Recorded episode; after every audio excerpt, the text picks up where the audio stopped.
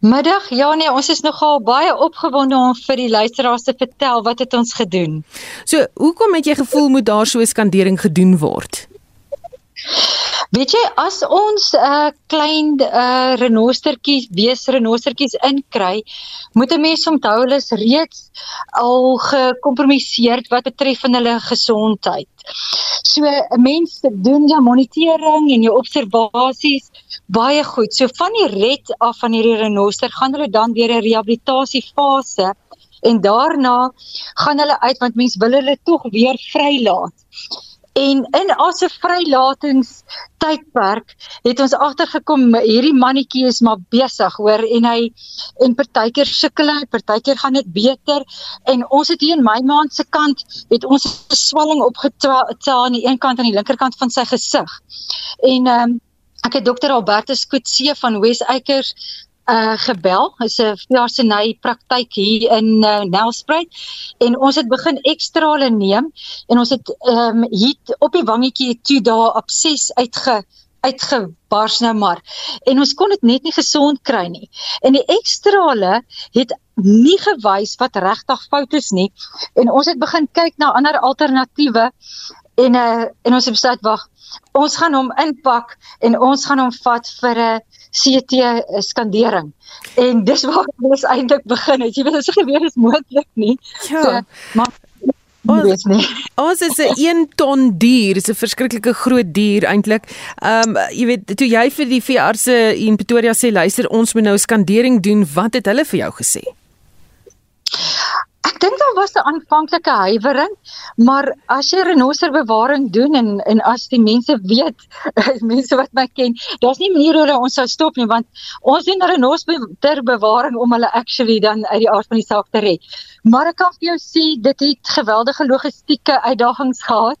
Eerstens was die permitte en daarna ure se beplanning met 'n strategiese span wat ons moet saamsit jy weet van Louis van Wyk hulle wat gehelp het met die vervoer van wildlifewest.com uh die trailer die hom geweeg ons geweeg jy weet ons gemeet. Dit was eintlik indrukwekkend. En toe kraantrok gekry uh dinsdagoggend baie vroeg om mense op 'n kraantrok gelaai en toe oor na voertuig toe en daarna gevat na geweldige indrukwekkende bouma fasiliteite, gespesialiseerde bouma fasiliteite by Onderste Poort waar uh, eh, Dr. Jaco Del en professor Steenkamp en hulle span gehelp het. En toe het uh, ek actually maandag gery, dinsdagoggend vroeg ehm um, het ons begin. So almal het eintlik min gestel want onthou, ons moes ook seker maak die sekuriteit aan daai kant was reg. Jy weet dit is uiteindelik daar kom het ons nou vir ons van hulle boumas afgestap het in die pad. Dis waar die middels inkom en uh, Dr. Jaco daar met die farmakologie en hom toe binne naby die teater uh laat lê en hom toe op die trollie laat lê so dit dit dit was regtig indrukwekkend en toe hom toe in die die CT kamer instoot waar hulle dan hierdie skandering doen. En uh ons moes hom op sy ruggie laat lê soos die mense gesien het dorsa en kussings langs die kante insit en hom sy nekkie uittrek om hom mooi daarin te kry. So dis waar ons maar hier op die plaas moes meet en seker maak die mannetjie pas daarin. So dit was 'n trollie en 'n half om hy om hy dier daar te kry hoor. Dit was regtig indrukwekkend. Petronel, en wat doen ons in hierdie hele proses?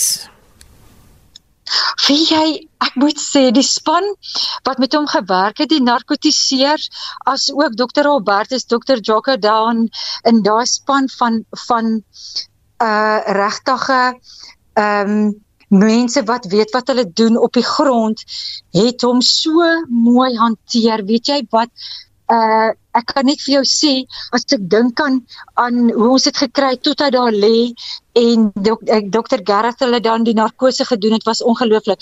Hy was baie rustig want ons het vir hom eepleks ingeset en ons het sy oogies toegemaak maar op daai stadium was hy reeds besig met die narkose. Ja. Hierdie is uiteindelik 'n baanbrekerswerk. Vertel ons hoe dit die hantering en behandeling van renosters in die toekoms gaan verbeter weet jy om te meet is om te weet.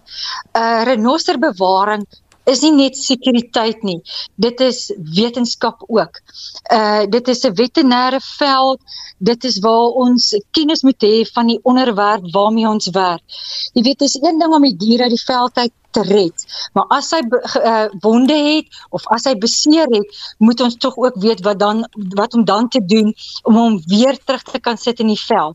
So opleiding in kennis oor die middels, oor die die anatomie, die fisiologie, die voortplanting, voeding, onthoringing, uh jy weet die meer intense aanhou van renosterus as gevolg van van mense wat tog sê kom ons kyk die diere in kleiner kampe sodat ons hulle beter kan bewaar vir vir minder geld. Want jy weet ons moet nou almal uh mense aanstel om te help met sekuriteit het 'n invloed op hierdie hele bewaringssituasie.